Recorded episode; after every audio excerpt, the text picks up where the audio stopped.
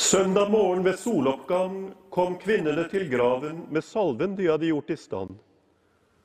Da fant de stenen veltet bort fra gravkammeret og gikk inn, men Herrens legeme var ikke å finne.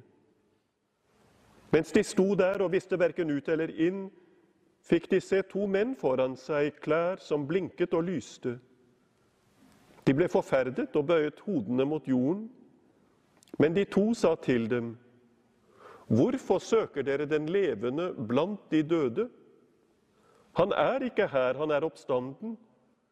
Husk hva han sa dere mens han ennå var i Galilea, at menneskesønnen skulle overgis i syndernes hender og korsfestet, og oppstå på den tredje dag. Da mintes de hans ord, og de vendte tilbake og fortalte alt dette til de elleve og til alle de andre. Det var Maria fra Magdala og Johanna og Jakobs Maria og andre med dem som fortalte det til apostlene. Men disse mente det hele var løst snakk og nektet å tro det. Bare Peter gikk ut og løp til graven. Han bøyde seg inn i den, men fikk ikke øye på annet enn likklærne. Han gikk da hjem, mens han undret seg over hva som var hendt. Slik lyder Herrens ord. Lovet være du, Kristus. For å vise oss hva Kristi oppstandelse betyr, tar Kirken oss med i den fantastiske antologi av lesninger vi har hørt, tar Kirken oss med til begynnelsen av skaperverket. Mysteriet vi feirer i natt, og det historiske faktum vi minnes, dreier seg ikke kun om individet Jesus av Nasaret. Det dreier seg ikke engang bare om menneskeheten. Det dreier seg om hele kosmos. Jesus' seier over døden gir oss nøkkelen til verdensaltet. Universet har alltid utgjort en gåte for mennesket. Lenge søkte man svar ved å tyde stjernene. I moderne tid har vitenskapen overtatt. Stadig mindre komponenter lar seg identifisere med mikroskop. Teleskopet lar oss se hvor usigelig enormt og stadig voksende det hele er. Slik innsikt lar oss se hvordan verken verden virker. Verdifull som den er, kan den dog ikke besvare det mer grunnleggende hvorfor. Spørsmålet hvorfor ligger utenfor vitenskapens rekkevidde, men det ligger innenfor vår rekkevidde som kristne. Glem aldri det. Vi har nyss hørt hva englene sa til de myrrabærende kvinnene ved graven. Hvorfor søker dere den levende blant de døde?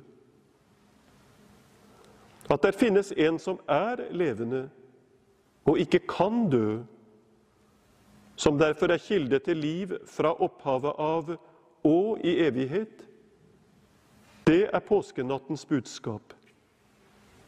Og i natt gjøres det budskapet håndgripelig for oss, synlig i kjøtt og blod. Av full hals synger vi igjen det herlige halleluja som vi gravla kvelden før askeonsdag. Kristus er oppstått fra de døde. Døden har ingen makt over ham mer. Og derved har døden heller ingen makt over oss.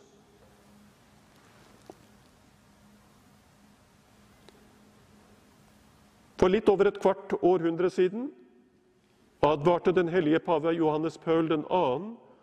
om det han kalte en dødskultur. Han mente, mente den spredte sine tentakler omkring vårt samfunn, og det er ikke vanskelig å se at han hadde rett.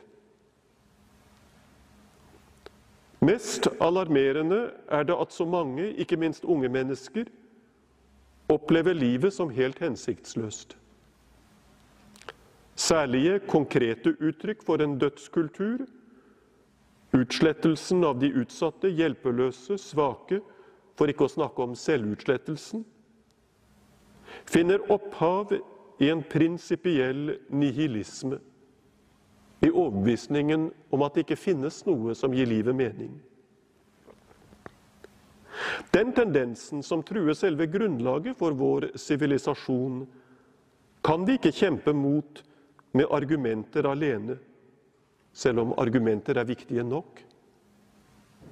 Men det som må til, det er først og fremst vitnesbyrde. Det som gjør et menneske til et vitne kristent sett, er nærværet i hans eller hennes liv av et lys som ikke er av denne verden. Et lys som opplyser ikke bare ved å informere, men ved å forvandle det det skinner på. Seremonien som innleder påskenattsvaken, så enkel, men så uhyre talende, er et tegn på det vi ved Kristi seier har mandat til. Å la vår oppstandende Frelsers lys spre seg i verden, slik at verden får fremstå slik den sannelig er, skapt ved Hans kjærlighet til å leve i ham. Søk da ikke den levende blant de døde, men gi de døde trøsten av å vite at han lever. Kristus er oppstanden. Hans lys være oss til evig glede, denne natt og alltid. Amen.